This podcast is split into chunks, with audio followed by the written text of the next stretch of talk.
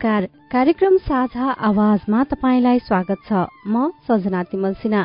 यो कार्यक्रम सामुदायिक रेडियो प्रसारक संघ अखुराबद्वारा सञ्चालित सामुदायिक सूचना नेटवर्क सीआईएन मार्फत देशभरि प्रसारणमा रहेका करिब तीन सय सामुदायिक रेडियोबाट सुन्न सकिन्छ।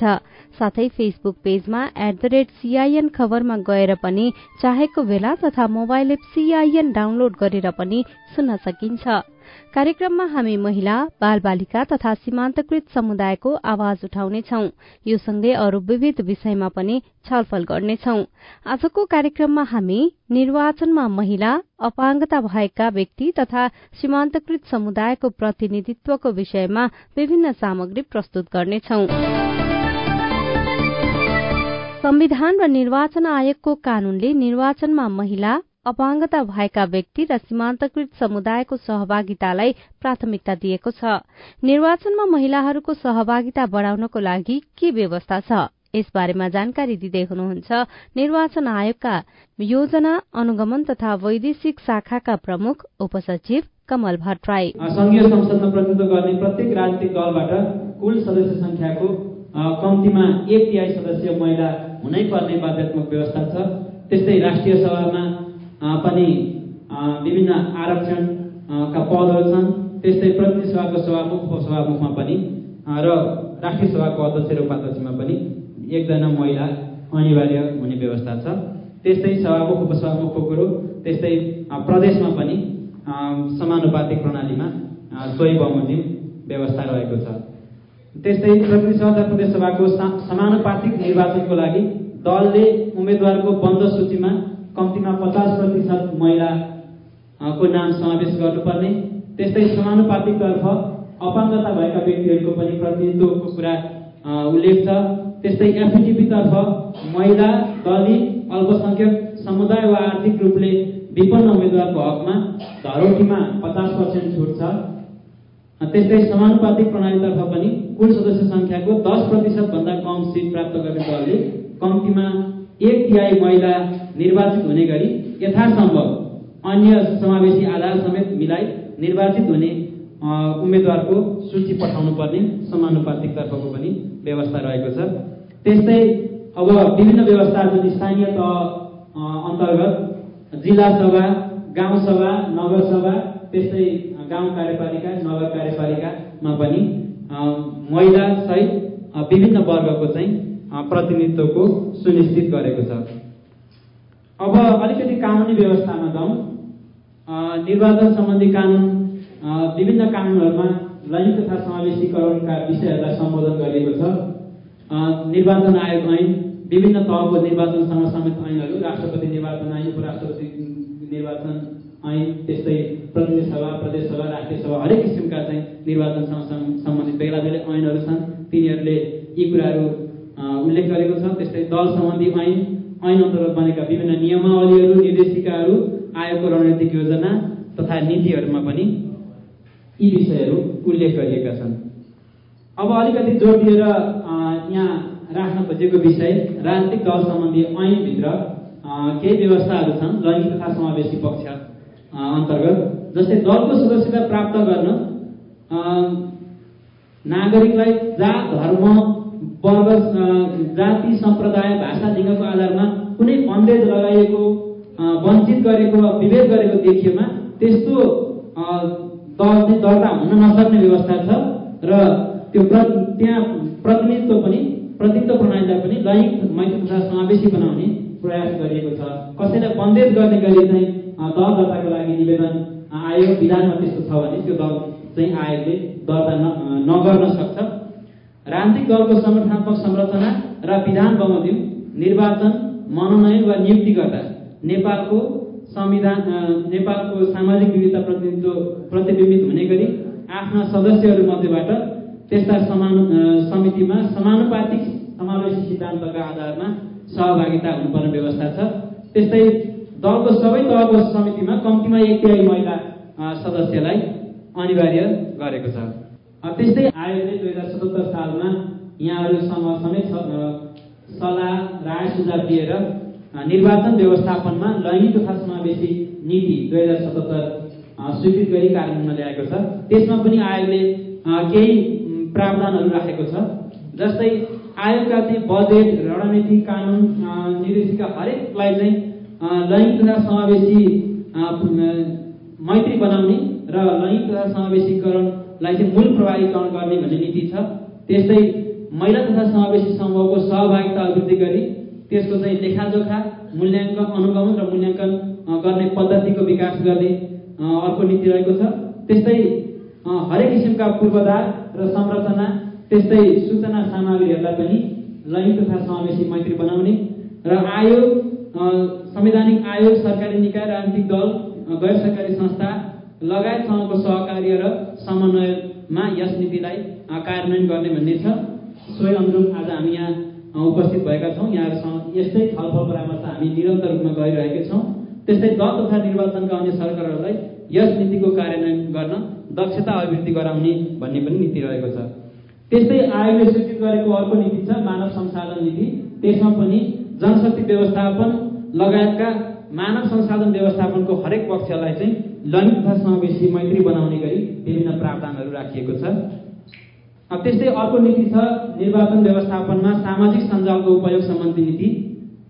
यसमा चाहिँ आयोगले विभिन्न किसिमका निर्वाचन शिक्षा मतदाता शिक्षा लगायतका सूचना सन्देश सामग्रीहरू प्रकाशन तथा प्रसारण गर्दा ती सामग्रीहरू पनि लैङ्गिक तथा समावेशी अपाङ्ग मैत्री हुनुपर्छ भन्ने विषय पनि यो नीतिले अङ्गीकार गरेको छ।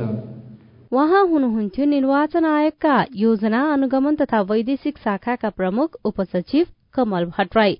निर्वाचनमा महिला अपाङ्गता भएका व्यक्ति र लैंगिक प्रतिनिधित्वको बारेमा जानकारी गराउँदै। आयोगले निर्वाचनमा अपाङ्गता भएका व्यक्तिको पनि प्रतिनिधित्वको व्यवस्था गरेको बताइरहँदा सरकारवाला निकायले भने त्यसो नभएको बताएका छन्। राष्ट्रिय अपाङ्ग महासंघका उपाध्यक्ष रमा ढकाल चुनावमा अपाङ्गता भएका व्यक्तिको प्रतिनिधित्वसँगै मतदान केन्द्र पनि अपाङ्ग मैत्री हुनुपर्ने माग गर्नुहुन्छ। जस्तो तपाईँहरूले हेर्नुभयो भने बाँकीमा चाहिँ एकजना मान्छे चाहिँ भोट खसाल्न गएको हुलचेयर युजर थियो होइन तर उसको चाहिँ हुलचेयर लान पाइँदैन भन्ने त्यो आयुक्तले भन्यो त्यहाँभित्र जान दिएन होइन। त्यो त्यो किसिमको कुराहरू चाहिँ थियो र भक्तपुरमा म आफै पनि एज अ अब्जर्भर म भोट खसाल्न जाँदा पनि म अपाङ्गता भएको महिला हो मलाई छुट्टै लाइनमा चाहिन्छ भन्दाखेरि होइन हामीले त्यस्तो यसपालि छुट्टै लाइन नै बनाएको छैन हामी कुर्न नै लगाउँदैनौँ तपाईँहरूलाई एकदम सटसट गराउँछौँ भने तापनि त्यस्तो किसिमको थिएन। जब तपाईँको चाहिँ नि नीतिमा लेखिन्छ भने त्यो कुरा त कार्यान्वयन त गर्नु पर्यो नि त भन्ने एउटा कुरा। त्यो चाहिँ अब हुने कुरामा चाहिँ हुनै पर्छ भन्ने एउटा कुरा। हामीले चाहिँ यसको लागि चाहिँ काम गरिरहेछौँ। अर्को कुरा चाहिँ हामी एक्सेसिबिलिटीमा अलिक धेरै काम गरिरहेछ। किनभने त्यो पुलिङ बुथहरू जतिसुकै जे जे भने पनि अझै पनि एक्सेसिबल छैन हामीले देख्दाखेरि। किनभने अब एकदम स्पेस छैन भने चाहिँ सानो ठाउँमा चाहिँ चुक्क परेको ठाउँमा बनाएको छ होइन। र त्यहाँ चाहिँ व्हिलचेयर पनि जान सक्दैन। होइन?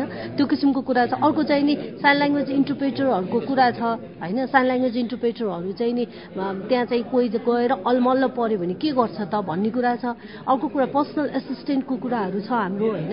त्यो कुराहरू चाहिँ एकदमै सुनिश्चित गर्नुपर्छ ताकि उनीहरूले चाहिँ फ्रिली गएर चाहिँ भोट खसाल्न पर्छ अर्को मुख्य कुरा भनेको चाहिँ पर्सनल एसिस्टेन्ट चाहिँ आफूले चाहेको व्यक्ति लैजान पाउनुपर्छ भन्ने चाहिँ एकदमै हाम्रो डिमान्ड छ। किन भन्दाखेरि चाहिँ तपाईँको चाहिँ घर परिवारले नै त्यो चाहिँ नि इन्फ्लुएन्स गरेर हुन्छ नि त।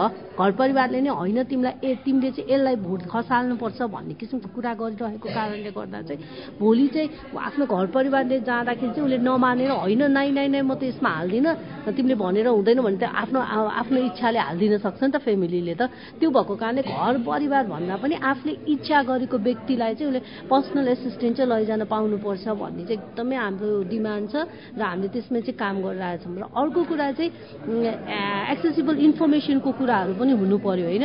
कुन बुथमा कहाँ कस्तो छ के छ भनेर चाहिँ तपाईँले चाहिँ यदि निर्वाचन आयोगको चाहिँ नि इन्फर्मेसन दिइरहेको छ त्यहाँबाट भनेदेखि चाहिँ त्यो चाहिँ नि इजी टु रिड भर्सनमा हुनु पऱ्यो। ताकि अपाङ्गता भएको व्यक्तिले जसले पनि त्यहाँ हेर्ने बित्तिकै चाहिँ त्यो वेबसाइटले बोलेर देखाएर सबै चिज गरेर भनिदिन्छ यो चिज एक्सेसिबल छ यस्तो छ तिमी यहाँ जाऊ भनेर चाहिँ त्यो किसिमको कुराहरू चाहिँ हामी एनएफटिएलले एकदम धेरै काम गरिरहेछ अर्को हामीले काम गरेको भनेको चाहिँ बन्द सूचीमा नै अपाङ्गता भएको व्यक्तिहरू चाहिँ पढ्नुपर्छ भनेर अहिले हामीले एकदमै गरिरहेको छ। स्थानीयमा चाहिँ हामीले एनएफटिएलले कलेक्सन गर्दाखेरि मोर देन थ्री हन्ड्रेडले चाहिँ नोमिनेसन दिएको तर नोमिनेसन दिँदाखेरि चाहिँ अब तपाईँको कस्तो भन्दाखेरि चाहिँ त्यो जितेर आउने भनेको चाहिँ जम्मा चौवालिसजना भयो त्यहाँ होइन? तर अपाङ्गता भएकै व्यक्ति चाहिँ तपाईँको चाहिँ नि वडा अध्यक्ष पनि भएको छ अहिले चाहिँ होइन? एकदम राम्रो छ त्यो कुराहरू।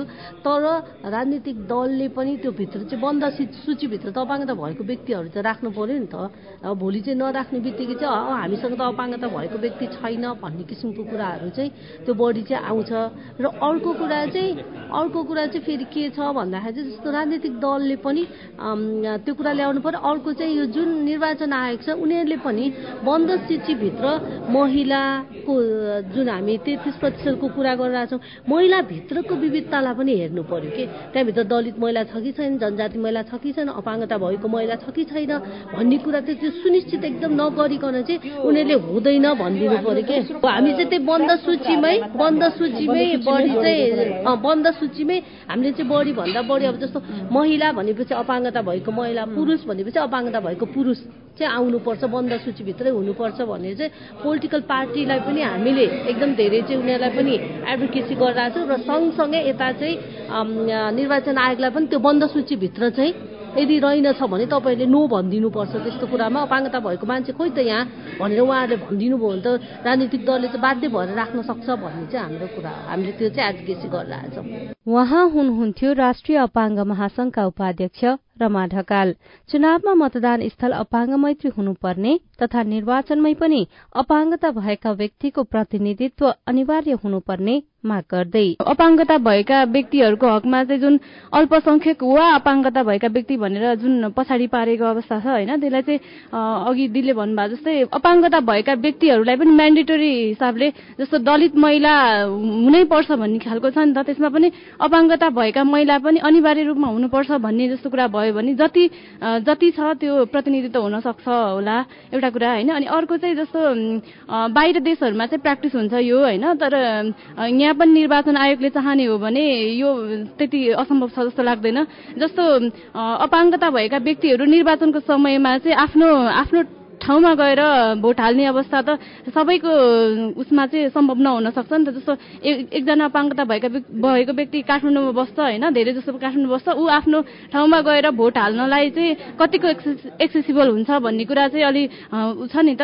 त्यो त्यो भएर चाहिँ उसले जहाँ जहाँ बसेको छ त्यहीँबाट चाहिँ आफ्नो भोटिङ राइट युज गरेर चाहिँ भोट हाल्न सक्यो भने एक हिसाबले मत उसको मतदाताको अधिकार मताधिकार पनि सुनिश्चित भयो र निर्वाचनमा उसको सहभागिता एक किसिमको त्यो पनि भयो। भयो। त्यो त्यो पनि गर्न सकिन्छ कि भन्ने त्यो अपेक्षा छ र अनि अर्को चाहिँ अघिदेखि उठाइरहेको कुरा यो दृष्टिविहीनहरूको हकमा र आफै भोट भोट हाल्न नसक्नेहरूको हकमा चाहिँ यो इच्छाइएको व्यक्ति र एका घरको व्यक्तिको कुरामा चाहिँ एउटा कन्ट्रोभर्सी छँदैछ होइन? त्यसमा चाहिँ एका घरको व्यक्ति भन्दा पनि इच्छाइएको व्यक्ति नै हुनुपर्छ भन्ने हिसाबले त्योलाई पनि म्यान्डेटरी हिसाबले अगाडि बढायो भने चाहिँ अझै बढी सहभागिता र सुनिश्चितता हुन्छ जस्तो लाग्छ। यस्तै दृष्टिविहीनका लागि मतदान केन्द्रसम्म नै पुग्नको लागि असहज हुने उनीहरूले बताएका छन्। यसको लागि मतदान स्थलमा आफूले चाहेको व्यक्ति सहयोगीको रूपमा लान पाउनुपर्ने पनि उनीहरूले माग गरेका छन्। धेरै जसो चाहिँ दृष्टिविहीन युवाहरूलाई चाहिँ यो भोटर राइटको बारेमा नै थाहा नहुने होइन अनि भोटर आइडी अहिले त भोटर आइडी अनिवार्य छ नि त अनि धेरैको लिस्टिङ पनि नभएको भएर चाहिँ हाम्रो यो आइएफइएसको सहयोगमा चाहिँ यो निर्वाचनसँग रिलेटेड प्रोजेक्ट चलिरहेको छ अनि त्यसमा चाहिँ धेरै छुटेका दृष्टिविहीनहरूको चाहिँ भोटर आइडीहरूमा लिस्टिङ गर्ने त्यो एउटा काम गरियो होइन। त्यो त्यसले गर्दाखेरि यो गएको स्थानीय तहको चुनावमा पनि धेरैजनाले चाहिँ त्यो आफ्नो भोटिङ राइटबाट चाहिँ नछुट्ने त्यो एउटा भयो।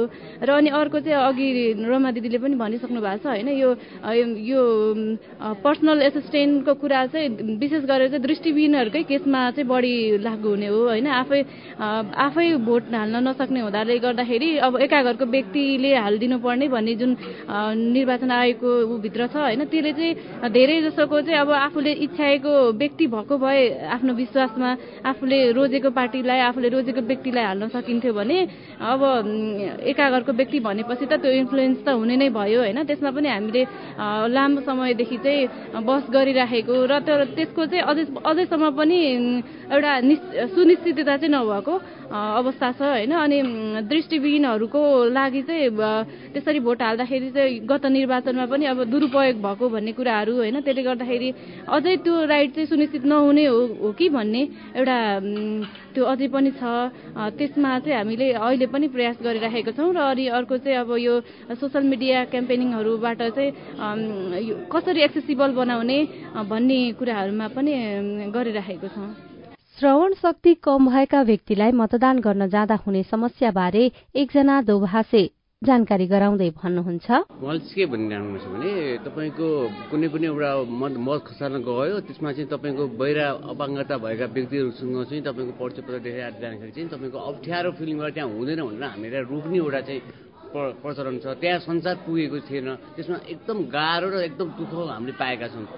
किनभने तपाईँको उल्लेख गरेको कुराहरू होइन यो चाहिँ हाम्रो समस्याको कुराहरू आएछ बहिरा महासङ्घबाट चाहिँ अहिले तपाईँको कसरी चाहिँ अब मतदान गर्ने शिक्षा सम्बन्धी चाहिँ कार्यहरू चाहिँ गरिरह गरिरहेको छ?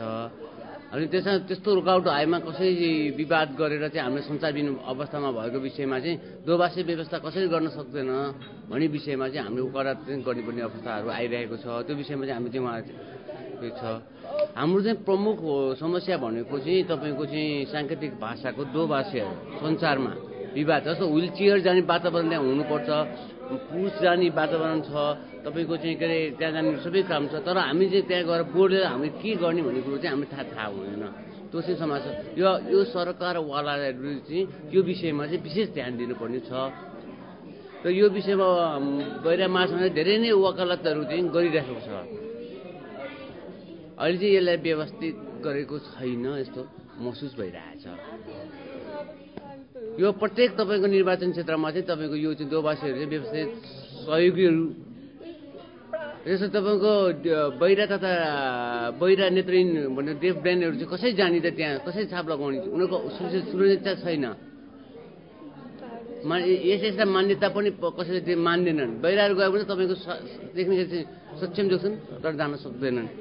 विवाद पर्छ। हामी कसरी विवाद गर्ने त्यहाँ?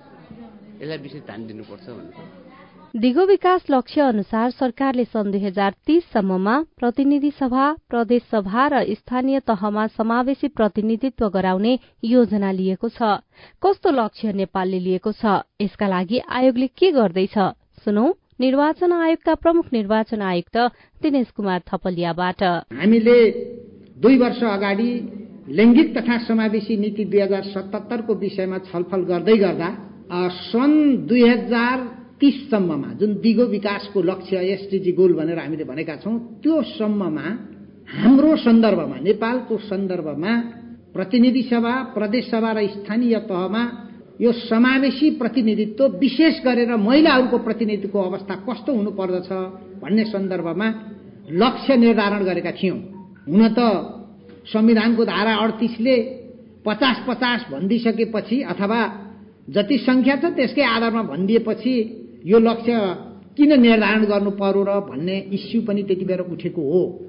तर हामीले आयोगले के भन्यौँ भने अहिले हामी जहाँ छौँ त्योबाट अगाडि जानको निम्ति एकैचोटि त्यो चाहिँ भर्याङको सिरानमै टेक्न खोज्यो भने पल्टिन सक्ने खतरा हुन्छ। त्यस कारण बिचका स्टेपहरू टेक्दै टेक्दै जाउँ भन्ने हाम्रो आशय थियो उद्देश्य थियो। त्यसकारण पचास प्रतिशत पुर्याउने भनेको झन कम पो भनौँ कि भन्ने पनि लाग्न सक्छ। हामीलाई त पचपन्नै पुर्याइदिए पनि आयोगलाई कुनै आपत्ति छैन।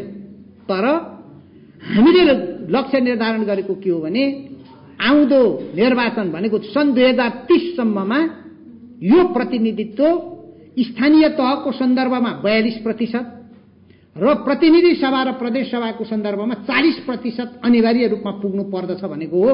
त्यो भनेको न्यूनतम हो। अधिकतम जति पुर्याउन सके पनि भयो। अहिले हामी प्रतिनिधि सभा र प्रदेश सभाको सन्दर्भमा चौतिस पुगेका छैनौँ। अब तिसको निर्वाचन तिससम्ममा चालिस प्रतिशत पुग्नको निम्ति यो मङ्सिर चार गतेको निर्वाचनपछि जम्मा एउटा निर्वाचन भ्याउँछौँ। दुईटा स्टेप हामीले टेक्न पाउने भयौँ।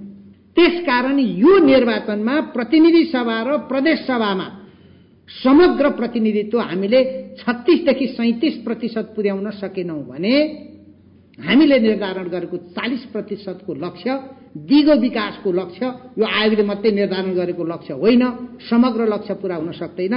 त्यसकारण यसको निम्ति आगामी निर्वाचनमा यो लैङ्गिक तथा समावेशी क्षेत्रमा के कस्तो रणनीति अवलम्बन गर्न सकियो भने त्यहाँ पुग्न सकिन्छ भन्ने विषयमा पनि छलफल गरौं र एउटा निश्चित रणनीति तयार गरौं।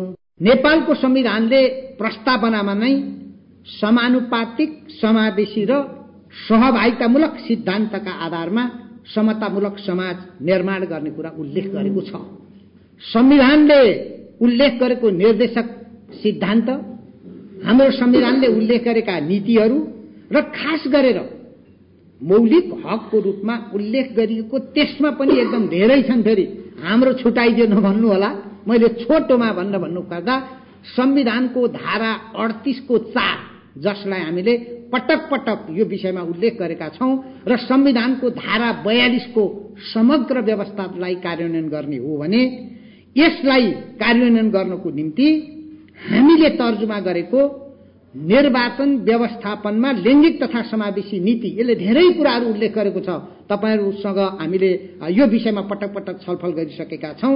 त्यसकारण यसको कार्यान्वयन प्रभावकारी ढंगले हुनु पर्दछ र यो अवस्था सिर्जना गर्नको निम्ति पनि हामीले केही न केही नयाँ रणनीति तर्जुमा गर्नुपर्छ भन्ने आएको बुझाइ। यो सन्दर्भमा म थोरै स्थानीय तहको निर्वाचनको प्रसंग मैले संक्षेपमा उठाउन चाहन्छु। स्थानीय तहको निर्वाचनको सन्दर्भमा जब उम्मेद्वारीमै जति संख्या पुग्न सक्नुपर्ने हो त्यति प्रतिशत पुग्न सक्दैनौ भने त्यसबाट नतिजा त चाहे अनुरूप प्राप्त गर्न नसकिने अवस्था थियो। हुँदा हुँदा काहीँ झन्नै झन्नै एका एका चालिस दशमलव दुई प्रतिशत स्थानीय तहमा समग्रमा महिलाहरू अहिले विभिन्न पदमा बसेर काम गरिराखेको अवस्था छ। त्यसमा त्यो बयालिस किन पुगेन? त्यो पनि अलिकति तपाईँलाई व्याख्या गरौँ। बयालिस पुगेको हो भन्छु म। फेरि अब तपाईँहरू चाहिँ यसै बढाइदियो। तपाईँहरू त भन्न नि सक्नुहुन्छ। त्यो बयालिस पुगेको हो। प्राविधिक कारणले त्यो बयालिस पुगेन। किनभने हामीले छुट्याएका एक सय तेइसवटा महिलाका पदहरूमा त्यहाँ दलित महिलाहरूको उपस्थिति नभएको कारणले र त्यो ठाउँमा अरू महिलाहरूलाई मनोनयन दिन कानूनले निषेध गरेको कारणले हामी बयालिस प्रतिशत पुग्न सकेनौं नभए हामी गर्वसाथ उभिएर म यति बेर हामीले बनाएको नीति अहिले प्रतिशतका आधारमा सम्पूर्ण रूपमा सफल भएको छ भन्न सक्ने अवस्था हुन्थ्यो। यसको निम्ति पनि हामीले तपाईँहरूसित छलफल गरिसकेका छौं। अब आउँदो निर्वाचनमा यो अवस्था हुने छैन। महिलाहरूको निम्ति छुट्याइएको आरक्षण गरिएको पदमा दलित महिलाहरू नभएमा अन्य महिलाहरूबाट पनि त्यहाँ पूर्ति गर्नुपर्छ र उहाँहरूलाई प्रतिनिधित्व गराउनुपर्छ भन्ने एक किसिमको आम सहमतिको वातावरण बनिसकेको छ। म थोरै ठाउँ नै बन्ने भनेको राजनैतिक दलहरूको गाउँपालिका नगरपालिका जिल्ला स्तर प्रदेश स्तर र केन्द्रीय स्तरका समितिसम्मको व्यवस्था हो। थोरै त्यता पनि तपाईँले चिन्तन गरिदिनुहोस् भनेर भनेको। त्यहाँ पनि प्रष्ट रूपमा भनेकै छ तेत्तिस पर्सेन्ट महिला हुनुपर्छ देशको सामाजिक विविधतालाई प्रतिबिम्बित गर्ने गरी राजनीतिक दलहरूले राजनीतिक दलका संगठनहरूमा प्रतिनिधित्व गराउनु पर्दछ भनेकै छ। त्यहाँ मैले प्रवेश गरिरहेँ बडो विडम्बना के छ भने धेरै जसो राजनीतिक दलका चाहिँ आदरणीय सम्पर्क व्यक्तिहरू त्यहाँ हामी कहाँ आउनुहुन्छ र भन्नुहुन्छ बडा गाह्रो भयो साह्रै कठिन भयो हामीलाई त तेत्तिस पर्सेन्ट महिला पुर्याउनै नसक्ने भयौँ केन्द्रीय कमिटी बनाउनै नसक्ने भयौँ। भन्न त प्वाक्क मलाई पनि मन लाग्छ केन्द्रीय समितिमा महिला तेत्तिस पर्सेन्ट नपुर्याउनेले दल नखोल्दा पनि त हुन्छ। संविधान र कानून नै मान्न नसक्ने हो भने दलै खोलेर अर्थ गरेर बसे नि भइगयो नि। देशमा त काम गर्ने ठाउँ त अरू पनि छन्। प्याट्टै त्यसो भनिहाल्न पनि नमिल्ने। बडा अप्ठ्यारो छ त्यो पनि। त्यसकारण अर्को विषय के हो भने राजनीतिक दलहरूको स्थानीय तह तल्लो तहदेखि माथिल्लो तहसम्मका संरचना साँच्चै समावेशी छन् कि छैनन्? महिलाको प्रतिनिधित्वको अवस्था कस्तो छ? अथवा अन्य पक्षको प्रतिनिधित्व अवस्था कस्तो छ भनेर सम्पूर्ण रूपमा लैङ्गिक तथा समावेशी दृष्टिकोणबाट हेर्नुपर्ने अवस्था छ। स्थानीय तहमा बयालिस प्रतिशत तथा प्रदेश र प्रतिनिधि सभामा चालिस प्रतिशत महिला सहभागिता अनिवार्य पुर्याउने योजनामा आयोग रहेको बताउँदै हुनुहुन्थ्यो प्रमुख निर्वाचन आयुक्त दिनेश कुमार थपलिया। यो सँगै हामी कार्यक्रमको अन्त्यतिर आइपुगेका छौं। आजको विषयवस्तु तपाईँलाई कस्तो लाग्यो? कार्यक्रममा कस्ता विषय उठान गर्नु पर्ला हामीलाई सुझाव दिन सक्नुहुनेछ। त्यसको लागि तपाईँले हामीलाई टेलिफोन नम्बर शून्य एक बान्न साठी छ चार छमा फोन गरेर आफ्नो आवाज रेकर्ड गर्न सक्नुहुनेछ। साथै हामीलाई Facebook page community information network सीआईएनमा गएर पनि आफ्ना कुरा लेख्न सक्नुहुनेछ। हामी तपाईँको प्रतिक्रिया पर्खिरहनेछौ। आजलाई कार्यक्रम साझा आवाजबाट प्राविधिक साथी सुनिल राज भारतसँगै सजना तिमल सिना विदा हुन्छु। नमस्कार